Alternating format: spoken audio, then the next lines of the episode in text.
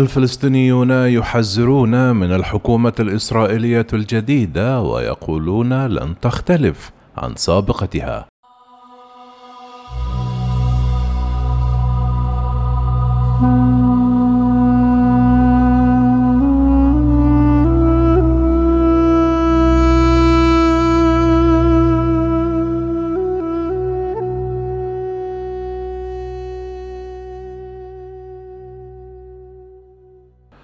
حذرت شخصيات سياسية فلسطينية من أن فلسطين يجب ألا تتوقع تغييرا جذريا في السياسة الإسرائيلية وخاصة تجاه قطاع غزة بعد انتهاء رئاسة بنيامين نتنياهو.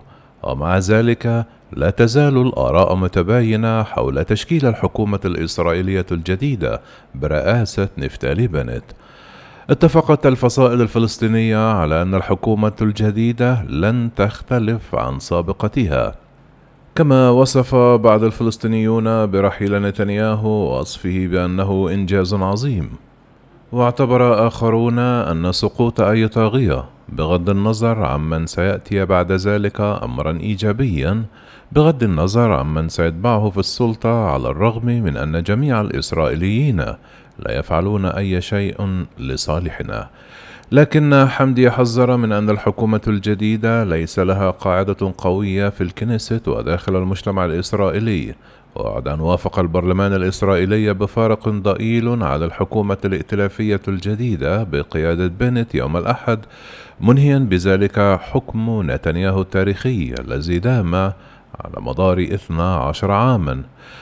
رئيس الوزراء السابق المثير للانقسام الأطول في تولي منصب في إسرائيل سيعمل الآن كزعيم للمعارضة وبموجب اتفاق ائتلافي سيتولى بنت منصبه خلال العامين الأوليين من الولاية ثم يصبح وزير الخارجية يائير لبيد مهندس التحالف رئيسا للوزراء.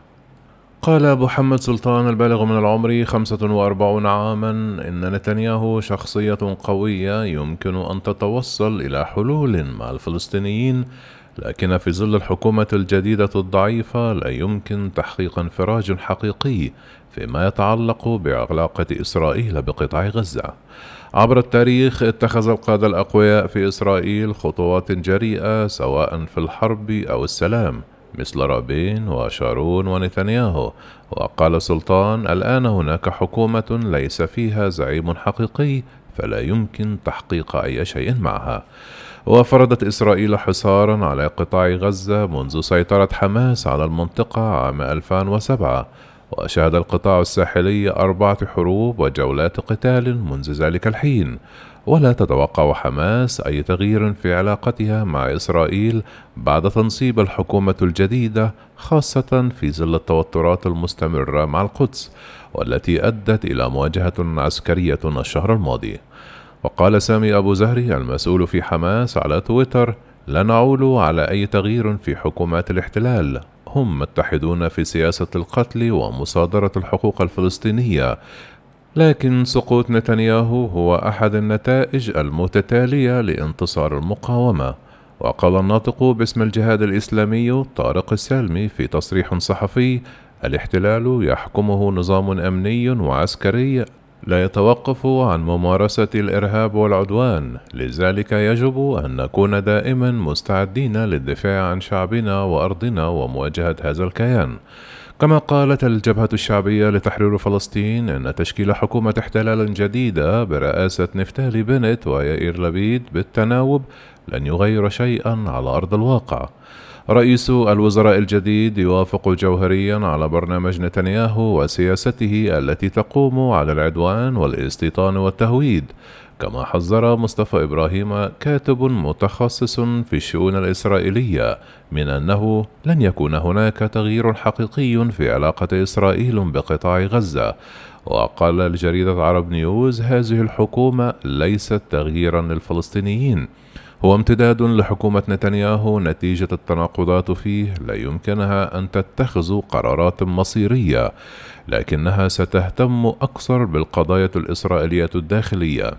الحكومة الجديدة ستلتزم بالخطوط الحمراء التي حددتها الحكومة السابقة والتي تتمثل في أن تخفيف الحصار المفروض على غزة مرتبط بإطلاق سراح الإسرائيليين في غزة والاتفاق على ذلك يتطلب حكومة قوية وزعيم إسرائيل قوي وهو غير موجود في الحكومة الجديدة. ومع ذلك قال إبراهيم إن الضغط الخارجي وخاصة من الولايات المتحدة الأمريكية قد يحدث فرقا في علاقة إسرائيل بقطاع غزة ويمكن أن يبقي شعلة المواجهة خاملة لفترة من الزمن.